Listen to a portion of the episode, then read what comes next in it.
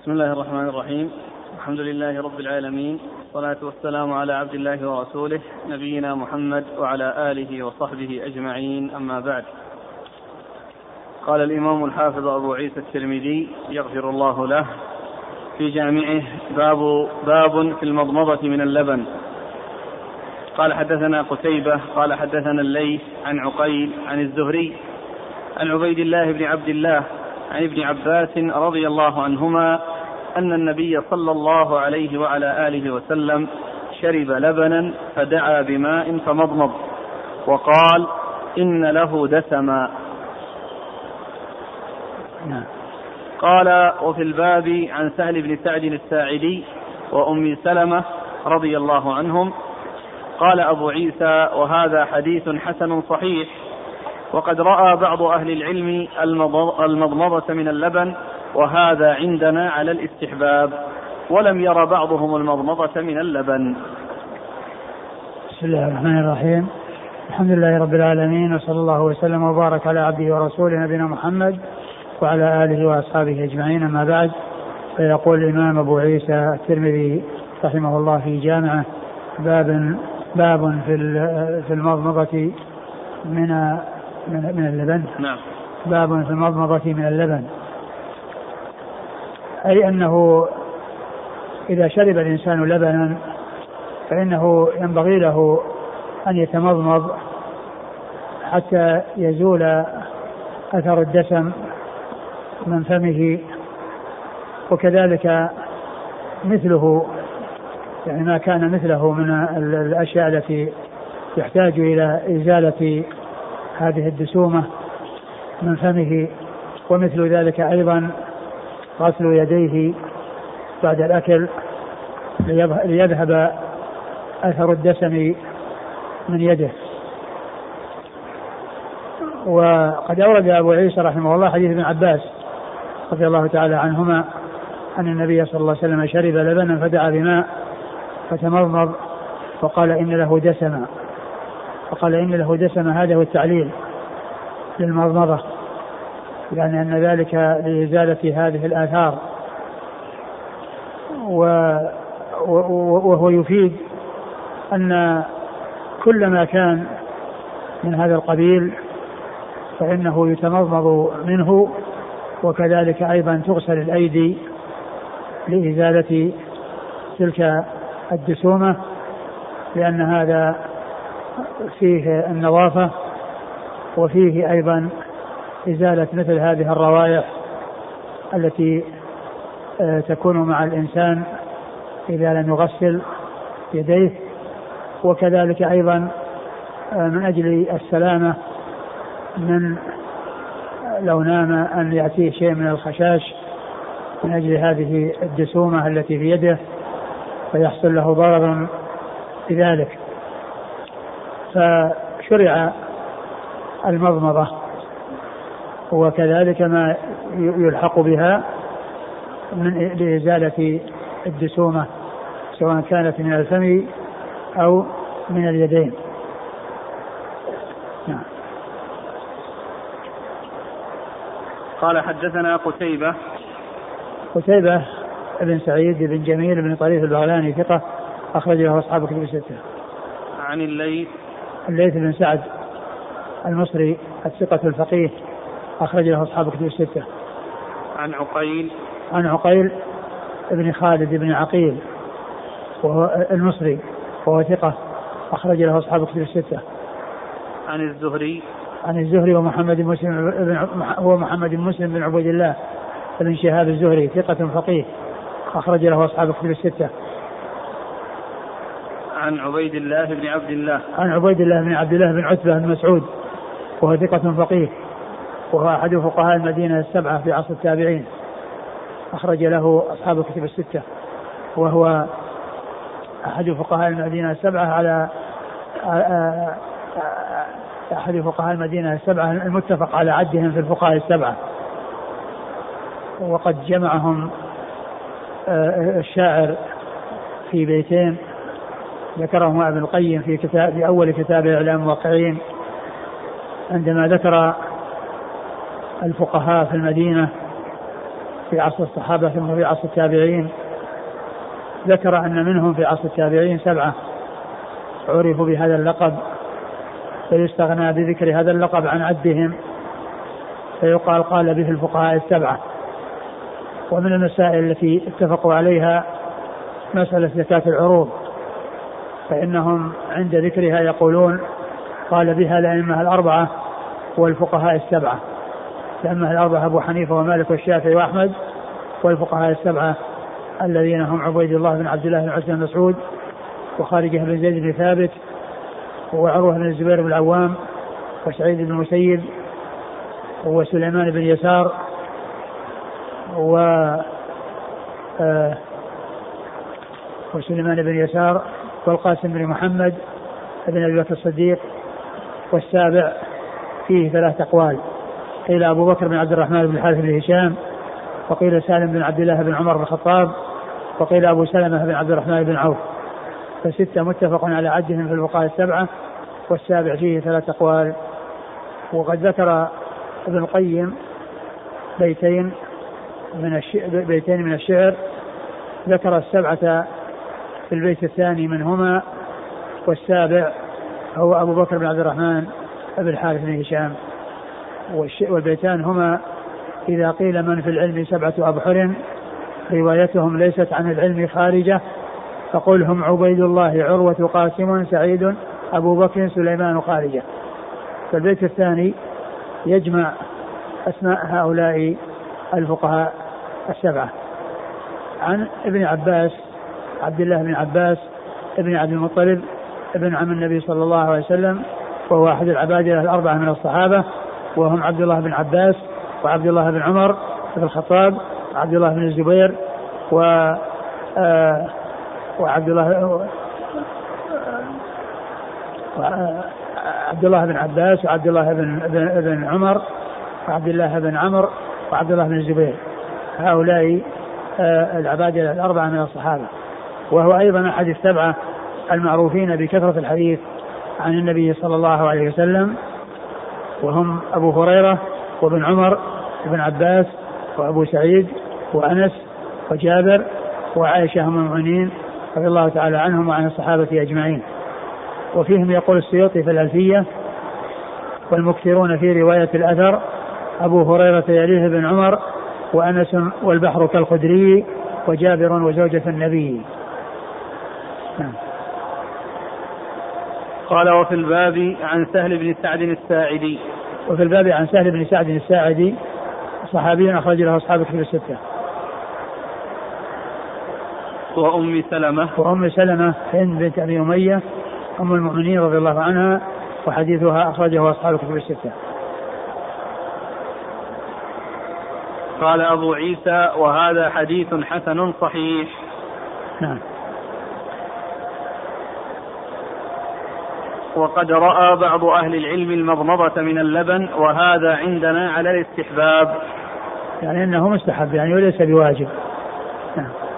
ولم ير بعضهم المضمضة من اللبن ولم يرى بعضهم المضمضة من اللبن يعني أن فيه, فيه قولان منهم من قال أنه يرى المضمضة ولكن على سبيل الاستحباب ومنهم من قال ومنهم من لا يرى المضمضة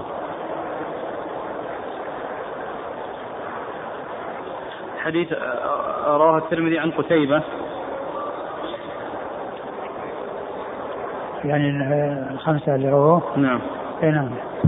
يعني آه آه هذا الحديث آه رواه خمسة من أصحاب آه من أصحاب الكتب الستة وهم آه، من سوى ابن ماجه.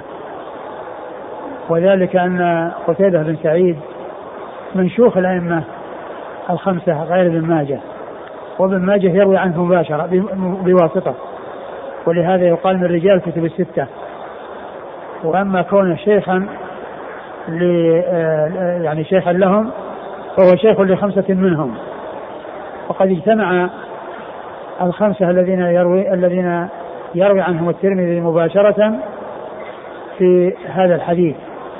لأن لأنهم كلهم رووا هذا الحديث عن قتيبة الذين يروون عن آه الذين يروون عن آه، عن قتيبة مباشرة رووا عنه هذا الحديث.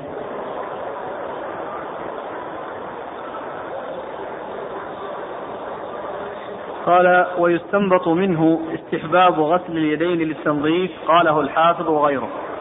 وجهه من جهة أنها لما كان آه، المضمضة من أجل إزالة الدسم فالدسم الذي يكون بالأيدي ينبغي إزالته أو يستحب إزالته وذلك بالغسل. يعني بالقياس. والسبب التعليل قال إن له دسما فمضمض من أجل أن أن أن اللبن له دسما فدل هذا على أن الدسم سواء كان من اللبن أو غيره يعني. من من يعني أكل الطعام أو يعني أو تناوله في اليد فإنه يحصل التمضمض لإزالة الدسومة التي في الفم ويحصل غسل الأيدي من أجل إزالة الدسومة التي في الأيدي. والتعليل إن له دسما يعني هذا هو الذي جعله يتمضمض من أجله. هذا جاء سؤالان عن قياس الحليب على اللبن. والحليب مثل اللبن الدسومة موجودة في هذا وفي هذا. بل قد يكون يعني أشد من اللبن لأن اللبن أخرج أخرج منه الدهن ولكن بقي له بقايا. وأما الحليب فالدهن موجود فيه لم يخرج.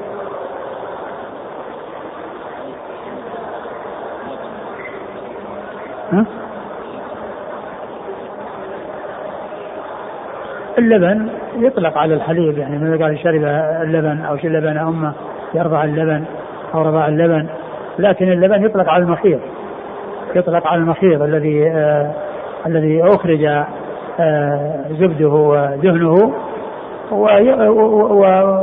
والحليب هو الذي لم يخرج منه يعني لم يخرج منه الدهن.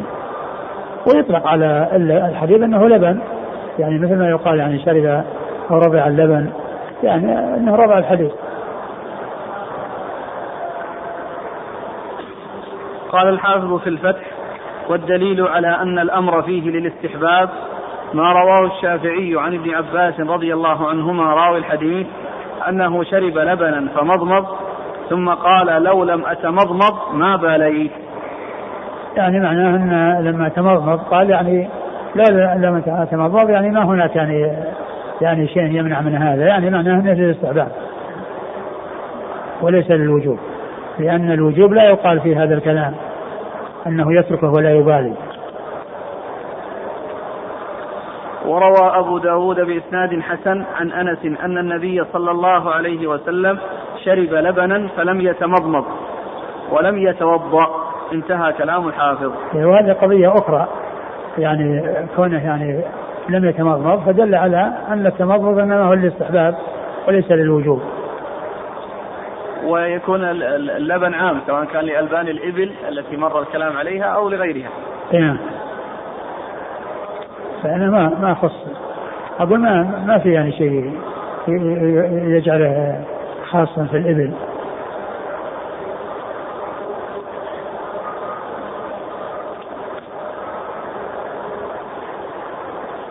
يقول السائل من الأطعمة ما ليس فيه دسم لكن له رائحة فهل يقاس عليه؟ يستحب المضمضة منه نعم. قبل الدخول نعم لا شك لا شك. إذا كان له رائحة من أجل تزول هذه الرائحة حتى لا يعني يشمها الناس.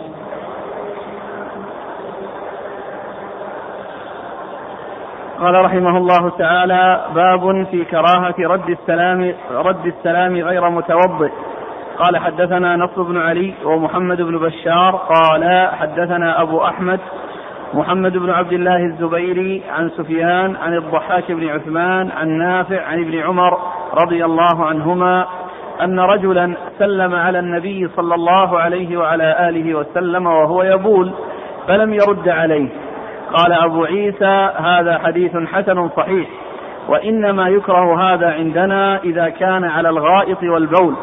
وقد فسر بعض أهل العلم ذلك وهذا أحسن شيء روي في هذا الباب. قال أبو عيسى وفي الباب عن المهاجر بقنفذ وعبد الله بن حنظلة وعلقمة بن الفغواء وجابر والبراء رضي الله عنهم.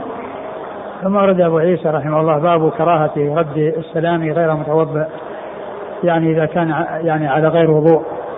وهذه ترجمة عامة هي أوسع من الحديث الذي أورده تحتها لأن الحديث ورد في كونه سلم عليه وهو وهو يقضي حاجته. ومعلوم أن من يقضي حاجته لا يسلم عليه وكذلك هو لا يرد السلام لأن السلام من أسماء الله وهو ذكر والإنسان الذي على الحاجة لا يشتغل بالذكر ولا يتلفظ بالذكر والذي يمر به لا يسلم عليه. لأن السلام يقتضي رد السلام يقتضي رد السلام والرد غير صالح في هذه الحال. ولو سلم عليه فإنه لا يرد. وترجمة كونه يعني يكره أن يرد وهو غير متوضئ يعني أنه يستحب أن يكون على طهارة أنه يستحب أن يكون على طهارة. يعني عندما يرد السلام. وهذا هو الذي تدل عليه الترجمة. هذا هو الذي تدل عليه الترجمة. لكن الترجمة آه، آه، الحديث آه، ليس مطابقا للترجمة. لأنه في حق من هو يبول وليس في حق من كان قد انتهى من حاجته ولكنه لم يتوضأ. وعلى هذا فيكون آه، السلام عليه وهو يبول هذا غير سائغ وكذلك أيضا لا يسوغ أن يرد السلام هو لو سلم عليه وغيره لا يسلم وهو لا يرد السلام لو سلم عليه. ولكنه بعد ذلك أي بعد أن يفرغ من من حاجته هذا هو الذي آه، تقتضيه الترجمة. وقد جاء في حديث رواه البخاري أن أن النبي صلى الله عليه وسلم سلم عليه رجل ولم يرد عليه السلام حتى تيمم وهذا هو الذي يطابق آه، يطابق الترجمة. ومعلوم أن هذا آه، باعتبار أن يكون على أحسن حال وإلا فإن الرد سائغ ولا بأس به ولو كان الإنسان على غير طهارة والإنسان كما هو معلوم يقرأ القرآن وهو على غير وضوء. ولكن كونه يكون على وضوء أحسن وأفضل. وإلا فإن الإنسان يقرأ من حفظه وهو على غير وضوء. ولكنه لا يقرأ من المصحف إلا إذا كان متوضئا. وكونه يقرأ من حفظه وهو على وضوء لا شك أن هذا هو الأفضل وهو الأولى. فيكون يعني ذلك من من قبيل ما هو أكمل ومن قبيل ما هو أفضل لا من حيث أنه غير سائغ. وإنما الذي لا يسوق هو إذا كان في حال البول.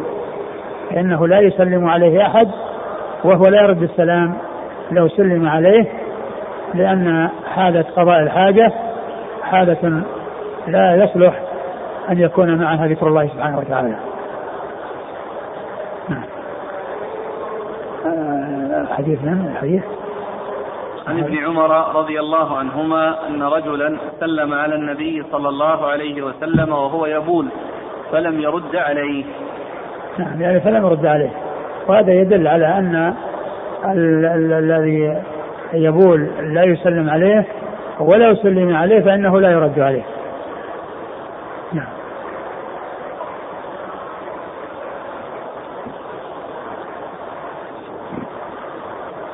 قال حدثنا نصر بن علي نصر بن علي بن نصر بن علي الجهضمي ثقة أخرج له أصحاب الكتب الستة. ومحمد بن بشار. ومحمد بن بشار وهو بن دار ثقة أخرج له أصحاب الكتب الستة وهو شيخ لأصحاب الكتب الستة. عن أبي أحمد محمد بن عبد الله الزبيري عن أبي أحمد محمد بن عبد الله الزبيري وهو ثقة أخرج له أصحاب الكتب الستة. يقول الحافظ إلا في حديث الثوري وهو يروي عن سفيان. إيش إلا إلا في حديث الثوري. ثقة نعم. إلا في حديث الثوري. ويروي يعني فيه كلام وهو الآن يروي عن سفيان. وسفيان هو ابن سعيد بن مسروق الثوري. ثقة فقيه. أخرج له أصحاب الكتب الستة. عن الضحاك بن عن الضحاك بن عثمان. وهو صدوق. يهم أخرج صدوق له يهم أخرج له. مسلم وأصحاب السنن. وأخرجه مسلم وأصحاب السنن. عن نافع. عن نافع مولى بن عمر وهو ثقة. أخرج له أصحاب كتب الستة. عن عبد الله بن عمر بن الخطاب رضي الله عنهما وهو أحد العباد الأربعة من الصحابة وأحد السبعة المعروفين بكثرة الحديث عن النبي صلى الله عليه وسلم. قال أبو عيسى هذا حديث حسن صحيح. نعم. وإنما يكره هذا عندنا إذا كان على الغائط والبول. يعني اللي هو السلام. يعني يكره إذا كان على الحائط على الغائط والبول. يعني إذا كان يتغوط أو يبول فإنه لا يسلم عليه ما دام يقضي حاجته. وقد فسر بعض أهل العلم ذلك. وهذا أحسن شيء روي في هذا الباب. وقال أبو عيسى وفي الباب عن المهاجر بن قنفذ. المهاجر بن قنفذ صحابي أخرج له. أبو داود والنسائي وابن ماجه. أبو داود النسائي وابن ماجه. وعبد الله بن حنظلة. وعبد الله بن حنظلة وهو صحابي أخرجه أبو داود. وعلقمة بن الفغواء. أخرجه أبو داود. فيه الأول. وحده. نعم. وعلقمة بن ليس له رواية في الكتب الستة. وليس له رواية في الكتب الستة. وجابر. وجابر بن عبد الله الأنصاري أحد السبعة المعروفين بكثرة الحديث عن النبي صلى الله عليه وسلم. والبراء. والبراء بن عازب رضي الله عنهما أخرج له أصحاب الكتب الستة.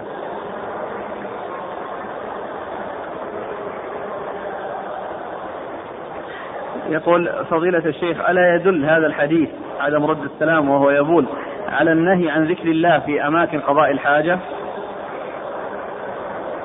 يعني يدل على أنها أنه لا آه، لا يذكر الله عند قضاء الحاجة لكن ما فيه نهي في الحديث وإنما فيه عدم آه، حصول الرد من الرسول صلى الله عليه وسلم. والإنسان لا يذكر الله عز وجل وينزه الله وذكره واسمه وكتابه وقراءة القرآن في أماكن قضاء الحاجة.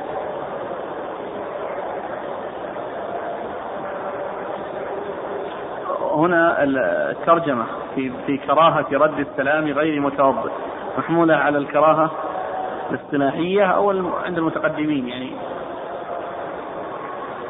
آه، كونه يعني غير متوضي يعني بعد الوضوء بعد قضاء الحاجة وقبل أن يتوضأ يعني كأن المقصود به أنها, أن أنها خلاف الأولى ولكنه يعني سائغ وجائز.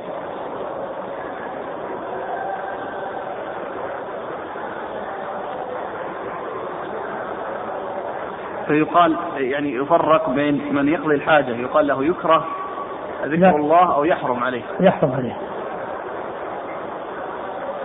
إن كلام الشارح مع أنه من المتأخرين يقول فلم يرد عليه في هذا دلالة على أن المسلم في هذه الحالة لا يستحق جوابا وهذا متفق عليه بين العلماء بل قالوا يكره أن يسلم على المشتغل بقضاء حاجة البول والغائط. فإن سلم كره له رد السلام. لعله يعني المقصود به تحريم لأن قال هذا باتفاق العلماء أنه لا يستحق. ثم قال ويكره للقاعد لقضاء الحاجة أن يذكر الله تعالى بشيء من الأذكار. كان كان المقصود كراهة التحريم. فلا يرد السلام فلا يرد السلام ولا يشمت العاطس ولا يحمد الله تعالى إذا عطس. آه، الآن إذا سلم عليه هل لهذا المسلم حق أن أن يجاب عنه بعدما ينتهي الإنسان؟ يعني لا زال لأن الرد واجب. فيحت يعني تبقى الذمة مشغولة في الرد حتى ينتهي الإنسان من حاجته. بس أو أنه يعفى. هو الذي يبدو انه ما دام من السلام أنها قد حصل في وقت يعني لا يسوغ أن يسلم ولا أن يسوغ الرد.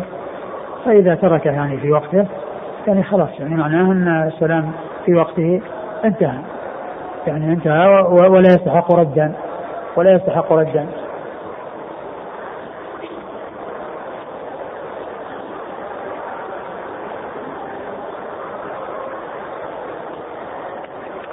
كلامنا عن القضاء الحاجة والسلام عليه والشيء بالشيء يذكر فهذا يقول السلام عند الطعام فإنه يذكر العامة لا سلام على طعام.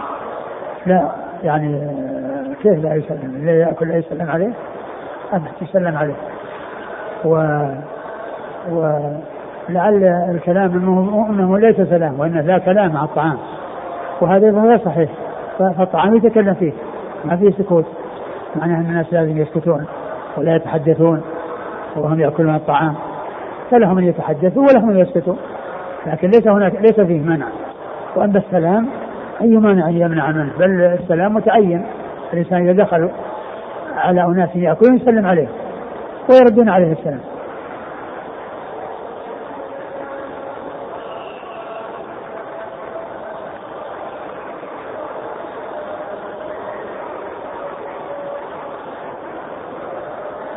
يقول جاء في رواية إني كرهت أن أذكر الله على غير طهارة. ألا يوافق هذه الترجمة؟ كراهة رد السلام غير متوضئ. وين رواية إيش؟ الحديث هذا؟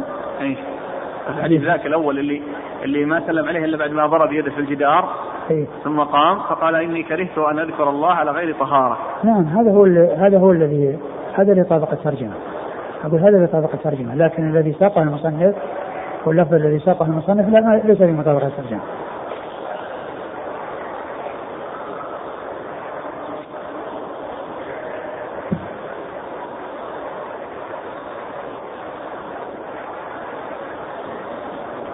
قال رحمه الله تعالى باب ما جاء في سؤر الكلب. قال حدثنا سوار بن عبد الله العنبري قال حدثنا المعتمر بن سليمان قال سمعت أيوب يحدث عن محمد بن سيرين عن أبي هريرة رضي الله عنه عن النبي صلى الله عليه وعلى آله وسلم أنه قال يغسل الإناء إذا ولغ فيه الكلب سبع مرات أولاهن أو أخراهن بالتراب وإذا ولغت فيه الهرة غسل مرة. قال أبو عيسى هذا حديث حسن صحيح وهو قول الشافعي وأحمد وإسحاق وقد روي هذا الحديث من غير وجه عن أبي هريرة عن النبي صلى الله عليه وسلم نحو هذا ولم يذكر فيه إذا ولغت فيه الهرة غسل مرة. قال وفي الباب عن عبد الله بن مغفل رضي الله عنه. ثم ورد أبو عيسى رحمه الله باب ما جاء في سؤر الكلب. باب ما جاء في سؤر الكلب. أي في غسل في الغسل منه وأن وأن الغسل يكون فيه زيادة على ما هو معتاد وعلى ما هو معروف بالغسل وذلك أنه يغسل سبع مرات. ويكون إحداهن بالتراب وتكون هي في الأول وتكون في الأول. الغسلة التي فيها التراب تكون في الأول. وذلك لمباشرة أو أو لإزالة آثار آه، ولوغ الكلب فيكون بالتراب مع الماء. وقد أورد أبو عيسى حديث أبي هريرة أن النبي صلى الله عليه وسلم قال يغسل. من يغسل. يغسل. الإناء إذا ولغ فيه الكلب سبع مرات. يغسل الإناء إذا ولغ فيه الكلب سبع مرات. أولاهن أو أخراهن بالتراب أولاهن أو أخراهن بالتراب وجاء في في في, في بعض روايات الحديث طهور طهور أحدكم إذا طهور إناء أحدكم إذا ولغ في الكلب أن يغسله سبع مرات أولاهن بالتراب وهذه الرواية التي ذكرها الترمذي رحمه الله قال أولاهن أو أخراهن يعني شك بين الأولى والأخيرة.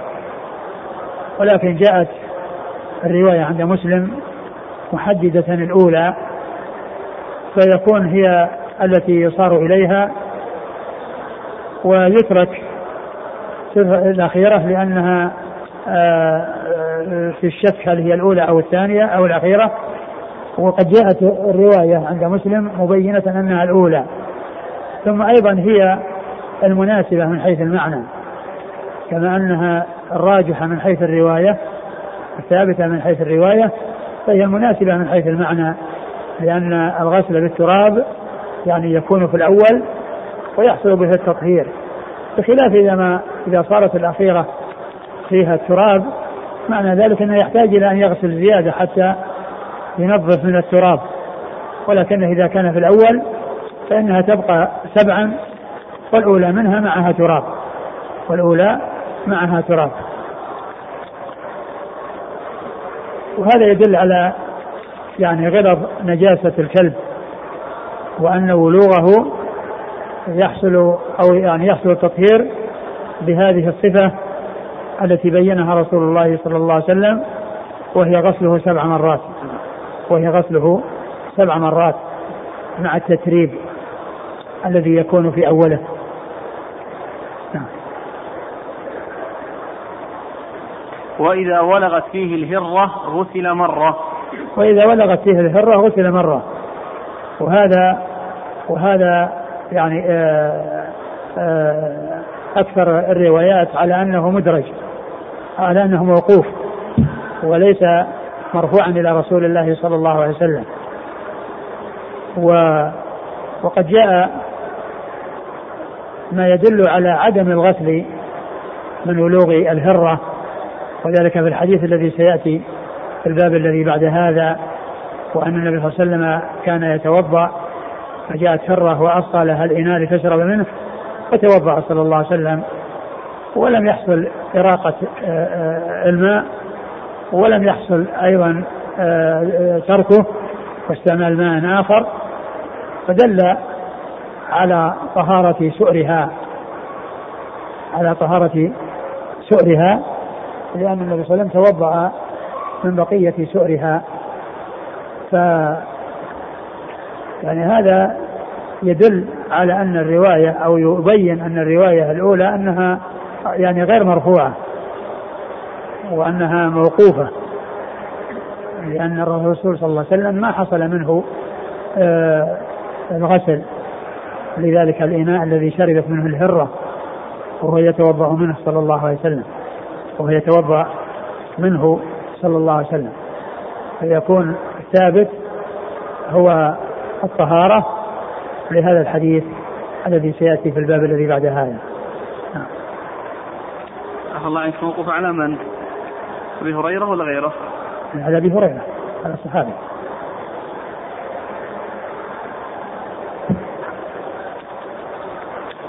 قال حدثنا سوار بن عبد الله العنبري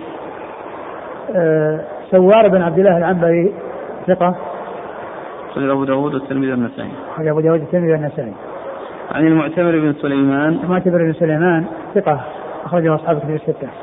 عن أيوب. أيوب بن أبي تميم السختياني ثقة أخرجه أصحاب كتب الستة. عن محمد بن سيرين. محمد بن سيرين ثقة أخرجه أصحاب كتب الستة. عن أبي هريرة. عن أبي هريرة عبد الرحمن بن صخر الدوسي وهو أكثر الصحابة حديثا على الإطلاق. قال أبو عيسى هذا حديث حسن صحيح وهو قول الشافعي وأحمد وإسحاق.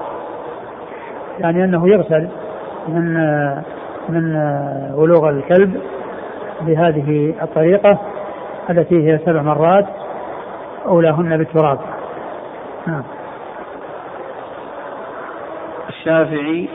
الشافعي محمد بن ادريس الشافعي الإمام المشهور أحد أصحاب المذاهب الاربعه مذاهب السنة وحديث أخرجه البخاري تعليقا وأصحاب السنة.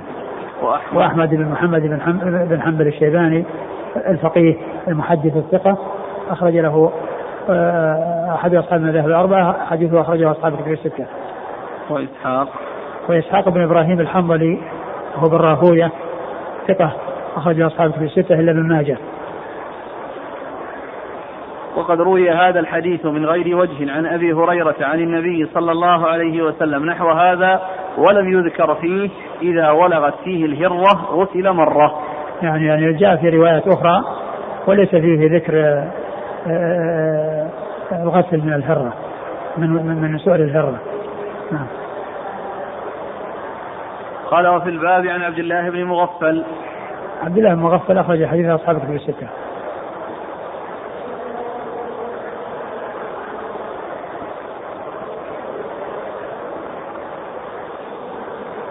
قال رحمه الله تعالى باب ما جاء في سؤر الهرة.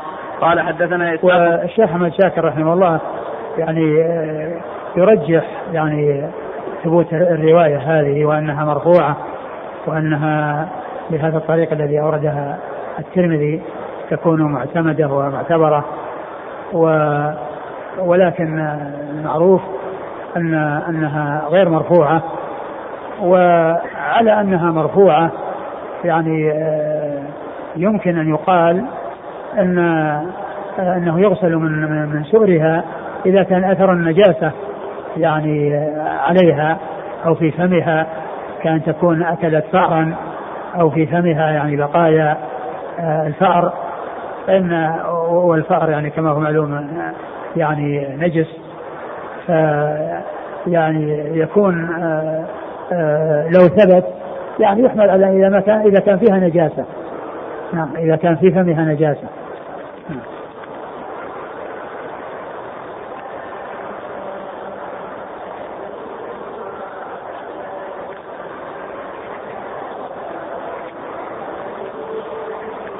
هل يتعين التراب؟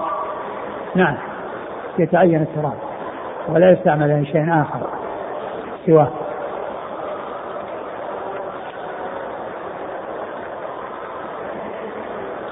يقول السائل إذا أمسك الكلب بالثياب الملابس أو أو عض الإنسان هل لعابه على جسد الإنسان يكفي فيه الغسل مرة أو نعم. الثياب؟ يكفي هذا مثل كذلك أيضا قضية إمساكه الصيد أقول إمساكه الصيد ولعابه عليه يعني لا يوصل للتراب ولا يوصل سبع مرات وإنما هذا جاء في الإناء هذه كونه يطهر بهذه الطريقة.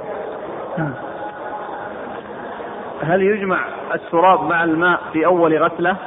اي نعم. في أول غسلة. هذا وهذا, وهذا الذي جاء في صحيح مسلم. أولاهن بالتراب. لأن رواية الترمذي شك أولاهن أو أخراهن ورواية مسلم أولاهن. وعلى هذا يكون التسريب داخل في الغسلات أو غسلة مستقلة؟ لا داخل. داخل في الغسلات وجاء في بعض الروايات عثروه الثامنة بالتراب عثروه الثامنة بالتراب وفيه يعني هذا يحمل على أساس أن أن التراب يعني كونه يعني شيء غير الماء كأنه اعتبر يعني ثامنة. وإلا فإنها سبع كما جاء في الحديث يعني حديقه سبع ولهن بالتراب. فيكون معه الماء الغسله الأولى معها تراب. فتكون كأنها غسلتان لكن آه، لا يقال إن التراب آه، إنه يؤتى ثمان غسلات واولاهن واحدة منهن بالتراب لأن هذا يزيد على العدد الذي هو السبع فيكون ذلك محمولا على اعتبار أن الغسلة التي فيها ماء وتراب اعتبرت كأنها ثنتين وهي واحدة. يسأل عن معنى كلمة سؤر وجاء في بعض الروايات عند مسلم فليرقه يعني هذا الماء الذي ولق فيه الكلب الذي في الإناء يراق ويغسل الإناء بعد ذلك. نعم. كلمة السؤر سؤر البقية. السؤر هو البقية البقية من الشيء. و ولهذا يقال سائر يعني عندما يذكر عن شيء يقال وسائر كذا يعني وباقيه. وباقيه كذا. ومن العلماء من يقول إن السائر تطلق على الجميع. السائر تطلق على الجميع. يعني المعروف أنها تذكر بعدما يذكر يعني آه، شيء ثم يذكر الباقي. مثل ما تقول آه، آه، رضي الله عنه وعن سائر الصحابة. يعني وعن باقي الصحابة. وذكر الحافظ بن حجر في ترجمة الجوهري في لسان الميزان أن من الأشياء التي عيبت عليه أنه يقول أن السائر تأتي بمعنى الجميع. تأتي بمعنى الجميع.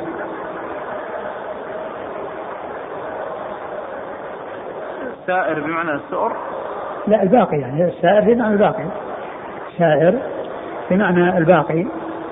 يعني كذا وسائر كذا يعني وباقيه باقيه وهي معناها يعني السؤر هو البقية والسائر هو الباقي.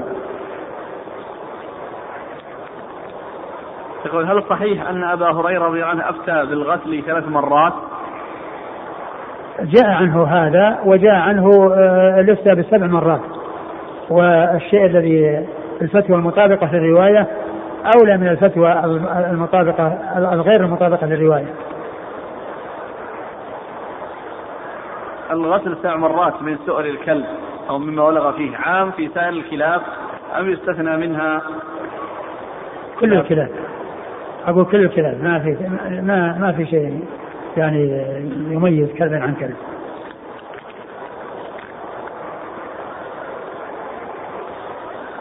قال رحمه الله تعالى باب ما جاء في سؤر الهرة. قال حدثنا إسحاق بن موسى الأنصاري. قال حدثنا معا قال حدثنا مالك بن أنس عن إسحاق بن عبد الله بن أبي طلحة عن حميدة بنت عبيد بنت عبيد بن رفاعة عن كبشة بنت كعب بن مالك رضي الله عنهما وكانت عند أبي قتادة أن أبا قتادة رضي الله عنه دخل عليها قالت فسكبت له وضوءا. قالت فجاءت هرة تشرب. فأصغى لها الإناء حتى شربت. قالت كبشة فرآني أنظر إليه. فقال أتعجبين يا بنت أخي؟ قلت نعم. قال إن رسول الله صلى الله عليه وسلم قال إنها ليست بنجس إنما هي من الطوافين عليكم أو الطوافات. وقد روى بعضهم عن مالك وكانت عند أبي قتادة والصحيح ابن أبي قتادة. وقال وفي الباب عن عائشة وأبي هريرة رضي الله عنهما قال أبو عيسى هذا حديث حسن صحيح وهو قول أكثر العلماء من أصحاب النبي صلى الله عليه وسلم والتابعين ومن بعدهم مثل الشافعي وأحمد وإسحاق لم يروا بسؤر الهرة بأسا وهذا أحسن شيء روي في هذا الباب. وقد جود مالك هذا الحديث عن إسحاق بن عبد الله بن أبي طلحة ولم يأتي به أحد أتم من مالك.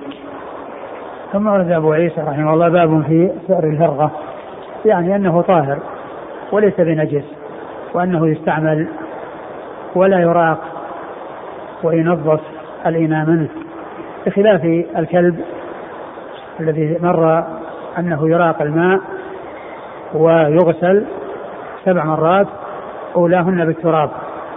وسر الهرة بخلاف ذلك. سر الهرة بخلاف ذلك.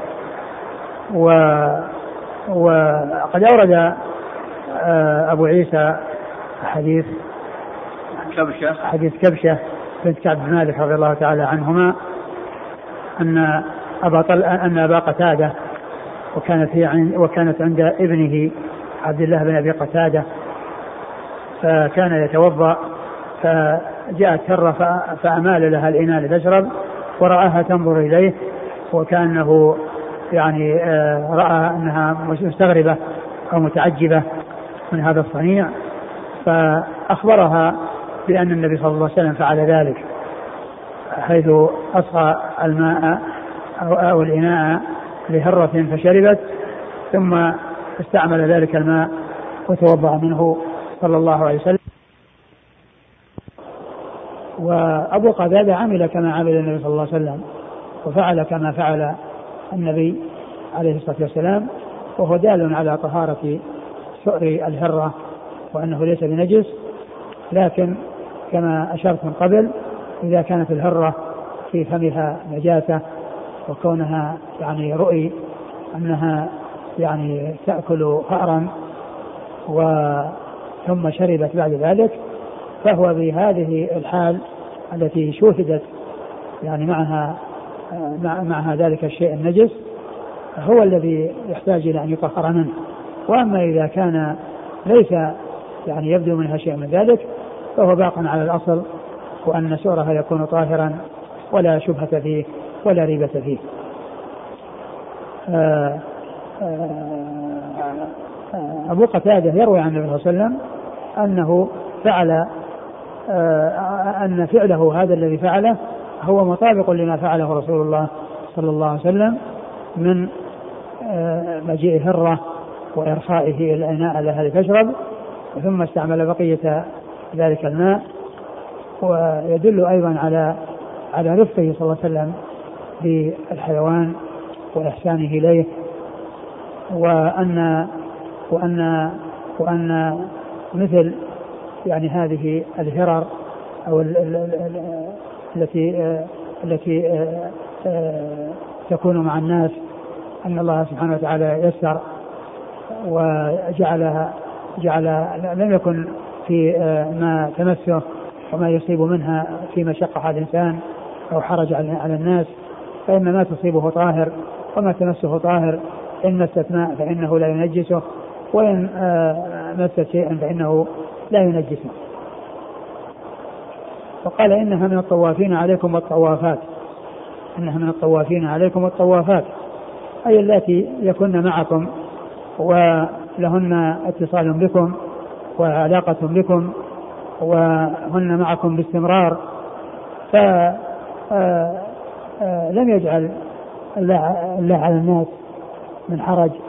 يعني في هذا هذا هذه الطوافة التي تكون من هذه الحيوانات فلم آه، يكن على الناس حرج فيما تستعمله وفي سؤرها فيكون نجسا أو يلزمهم التحرز منه فإنه لا بأس بذلك وسؤرها طاهر وليس بنجس. نعم. عن عن كبشة بنت كعب بن مالك وكانت عند ابن أبي قتادة. أن يعني زوجته كان زوجة ابن أبي قتادة. أن أبا قتادة رضي الله عنه دخل عليها قالت فسكبت له وضوءا. قالت فجاءت هرة تشرب فأصغى لها الإناء حتى شربت. قالت كبشة فرآني أنظر إليه فقال أتعجبين يا بنت أخي؟ فقلت نعم. فقال إن رسول الله صلى الله عليه وسلم قال بنت أخي يعني الأخوة في الإسلام وهذه من العبارات. التي تستعمل مع الشخص عند الخطاب فقال يا ابن أخي يعني ابن أخي في الإسلام. ومنه قول عمر رضي الله عنه الشاب الذي جاء وأثنى عليه وذهب آه، وإذا ثوبه لمس الأرض قال ردوا علي يا غلام.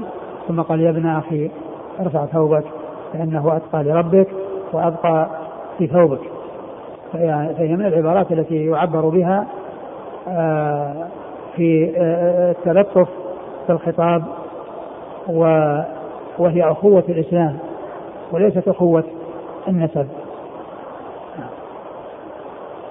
ومثل ذلك استعمال كلمة عم يعني من الصغير للكبير واستعمال قول الكبير الكبير للصغير يا بني. نعم. فقال أتعجبين يا بنت أخي؟ فقلت نعم. قال إن رسول الله صلى الله عليه وسلم قال إنها ليست بنجس. إنما هي من الطوافين عليكم أو الطوافات. يعني آه، كأنه فهم من الشرح. أن النبي صلى الله عليه وسلم فعل هذا الفعل فاقتدى به أبو قتادة. فالنبي صلى الله عليه وسلم قال إنما هي نجس. إنما هي من الطوافين عليكم والطوافات نعم. وأبو قتادة طبعا فعل كما فعل الرسول صلى الله عليه وسلم. النبي صلى الله عليه وسلم يعني أصغى الهرة إيه؟ في رواية ثانية. إيه. إن هنا فقلت نعم قال إن رسول الله صلى الله عليه وسلم قال إنها ليست بنجس. لا هو نفسه الرسول صالح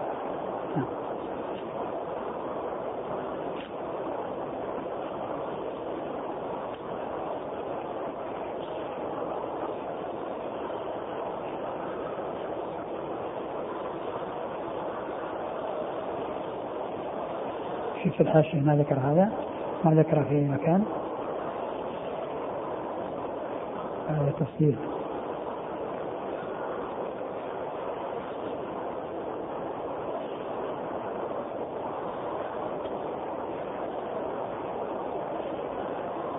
قال في الباب عن أنس بن مالك قال خرج رسول الله صلى الله عليه وسلم إلى أرض بالمدينة يقال لها بطحان فقال يا أنس اسكب لي وضوء. فسكبت له فلما قضى رسول الله صلى الله عليه وسلم حاجته أقبل إلي الإناء وقد أتى هر فولغ في الإناء فوقف له رسول الله صلى الله عليه وسلم وقفة حتى شرب. عندي غلط فيه نسخة شرف حتى شرب. شرب. حتى شرب الهر.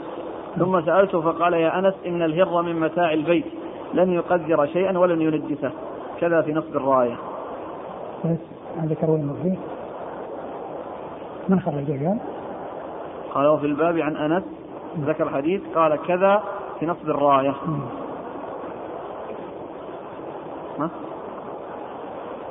في تحقيق الجديد. الطبراني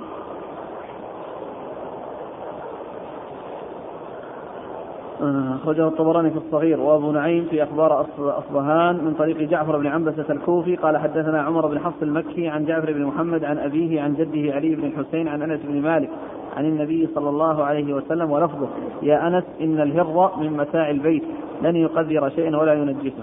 ذكره الهيثم في المجمع وقال فيه حفص بن عمر المكي وثقه ابن حبان وقال الذهبي لا يدرى من هو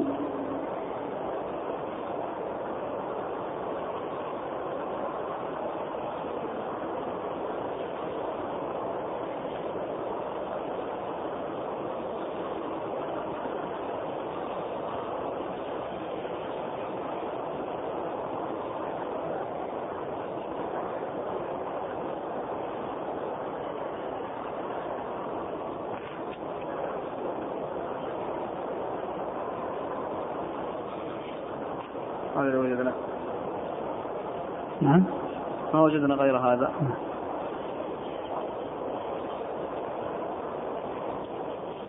قال حدثنا إسحاق بن موسى الأنصاري.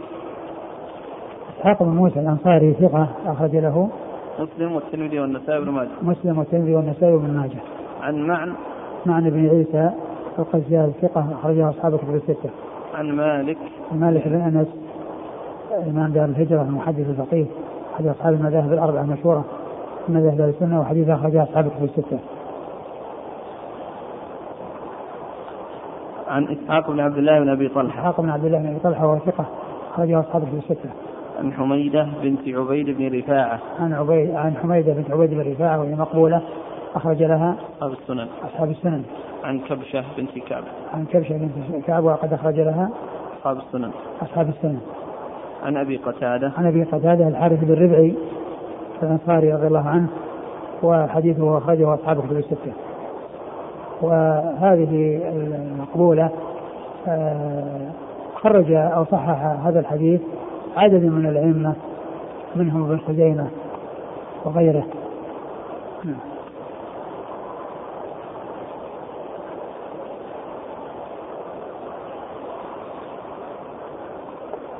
وقد روى بعضهم وقد روى بعضهم عن مالك وكانت عند أبي قتادة والصحيح ابن أبي قتادة. يعني خطأ يعني في هذه الرواية كانت عند أبي قتادة وإنما هو ابن أبي قتادة يعني عبد الله فهي زوجة ابنه وليس زوجته هو.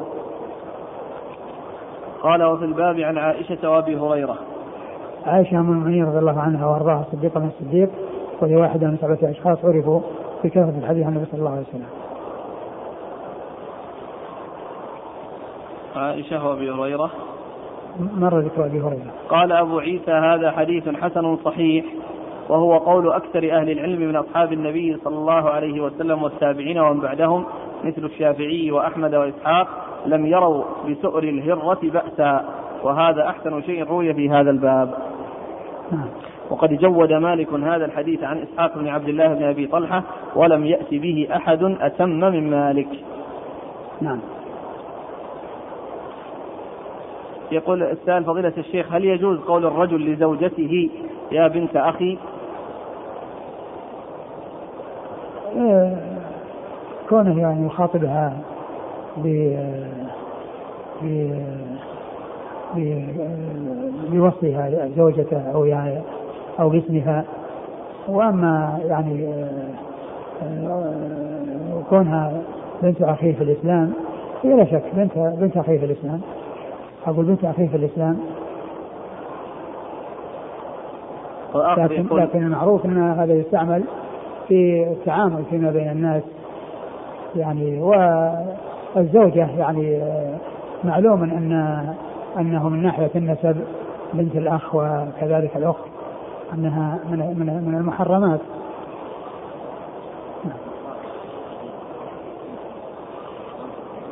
نعم بنت زوجة ابنة. زوجة ابنه وهي بنت أخيه وليست زوجته. والرواية التي فيها زوجته هي خطأ. وآخر يقول يقول لها من باب الاحترام يا أختي. والله يعني يعني تتجنب هذا هو الأولى. هل يستفاد من الحديث أن الأجر في مواساة مواساة هذه الحيوانات كالأجر في من يطوف لخدمة أهل البيت؟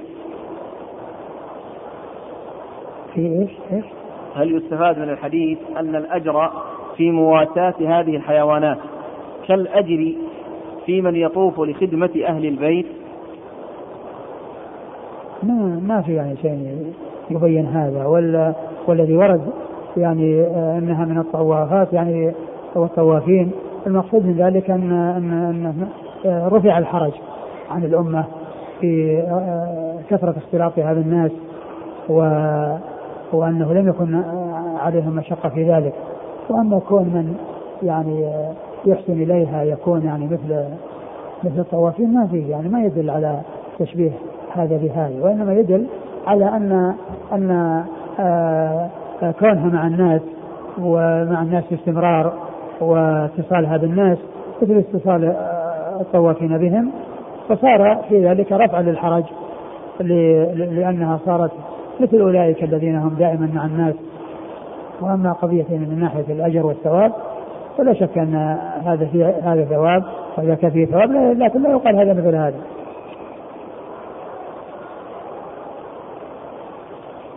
يقول هل يدخل في ذلك بول الهرة من حيث الطهارة؟ فإذا بالت مثلا على السجادة. بول الهرة نجس. أقول بول الهرة نجس لأنها ليست مما يؤكل لحمة. الذي يؤكل لحمه هو الذي بوله طاهر. وأما ما كان لا يؤكل لحمه بوله نجس مثل الهرة والحمار وغير ذلك مما هو محرم الأكل. هل ثبت أن الهرة تبع وتسمى سنور أو شيء آخر؟ أظن ذكروا في الحاشية يعني شيء من هذا لكن ما أدري عن ثبوته.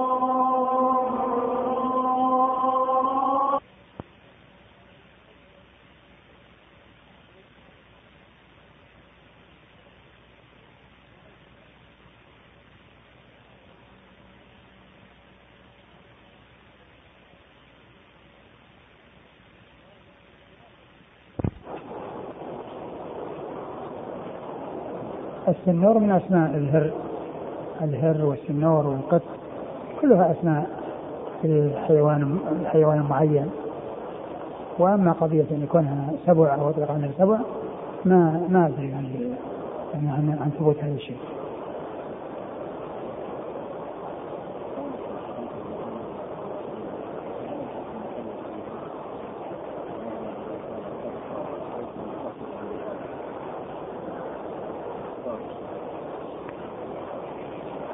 الذي يبدو أن ان الحكم واحد.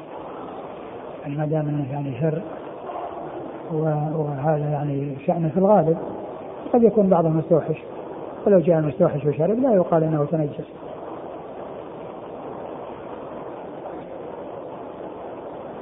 استمر في القراءة استمر أقول باب المسألة والله تعالى أعلم وصلى الله وسلم. وبارك على عبده ورسوله نبينا محمد وعلى آله وأصحابه أجمعين. جزاكم الله خيرا. وبارك الله فيكم ونفعنا الله ما قلتم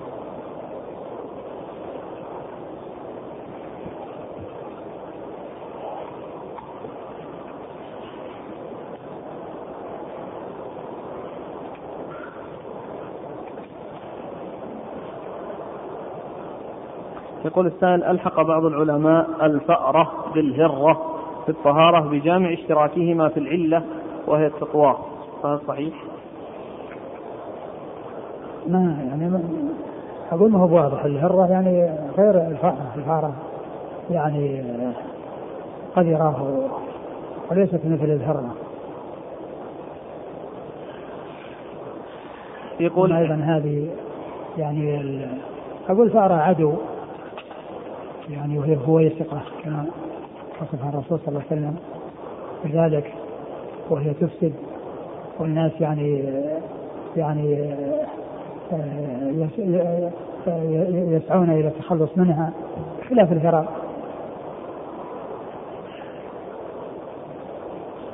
يقول عندنا يوجد صابون يصنع من تراب فهل يجوز استعماله في تطهير ولغ الكلب بدلا عن التراب الأصلي؟ لا. يعني يستعمل التراب.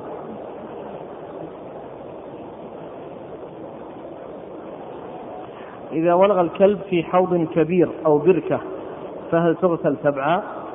لا إذا كان كثير أو إذا إذا كان كثير يعني لا يعني لا ينجسه.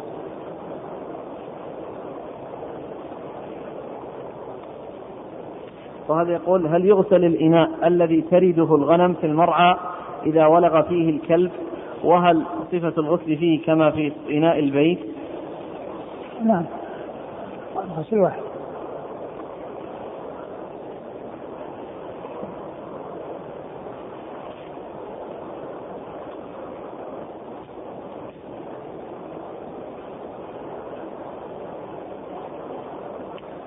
يقول جاء حديث من بات وفي يده غمر فلا يلومن إلا نفسه.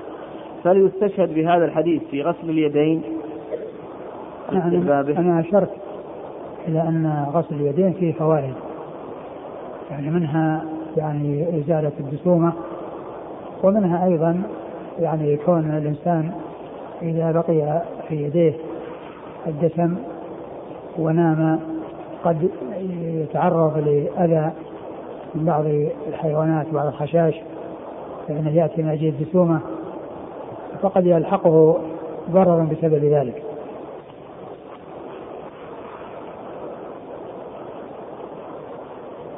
يقول آه نرى بعض العوام يمسح بيديه على رأسه في الوضوء في اتجاه واحد فيذهب بهما من مقدم رأسه إلى مؤخره دون أن يعود فهل يجزئ هذا المسح؟ يجزي يجزي ولكن السنة يأتي كما كما جاء الرسول صلى الله عليه وسلم.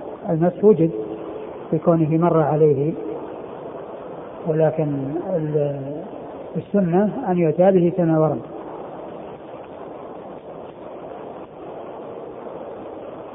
امرأة ترى قطرة أو قطرتين من الدم وأحيانا ترى كالشعرة من الدم مع مادة سائلة أخرى تخالطه ثم ينقطع عنها وذلك ليوم أو يومين فلا ترى شيئا ثم ينزل عليها الدم بكثرة فهل تعد اليوم أو اليومين من العادة؟ ثم هذا الانقطاع بعد هذا الشيء اليسير من الطهر أم من الحيض؟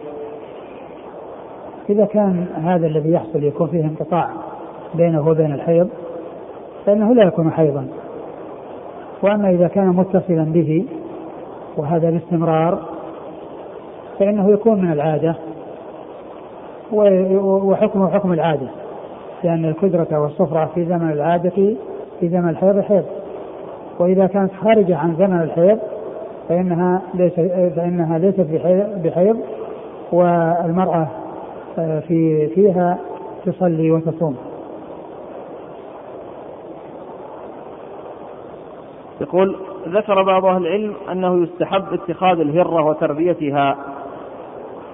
فهل هذا الحكم صحيح؟ والله الاستحباب ما أقول ما يظهر. أقول ما يظهر أنه يستحب ولكن ال ال ال ال ال الهر إذا جاء وصار مع الناس وحصل منه ملامسة يعني ما متاعهم ومياههم وما إلى ذلك فإنه لا يؤثر. يقول هل يجوز أن يدعى أبو الزوجة بكلمة عم أو يخال يجوز. أو تدعى أم الزوجة عمة أو خالة؟ يجوز. لأن الكبير يعني كما قلنا يخاطب بكونه عم وكذلك المرأة يقال لها عمة لا بأس بذلك. يقول بعض الناس يتحرج من الجواب إذا كان في بيت الخلاء ولو كان السؤال وجوابه عن شيء عام.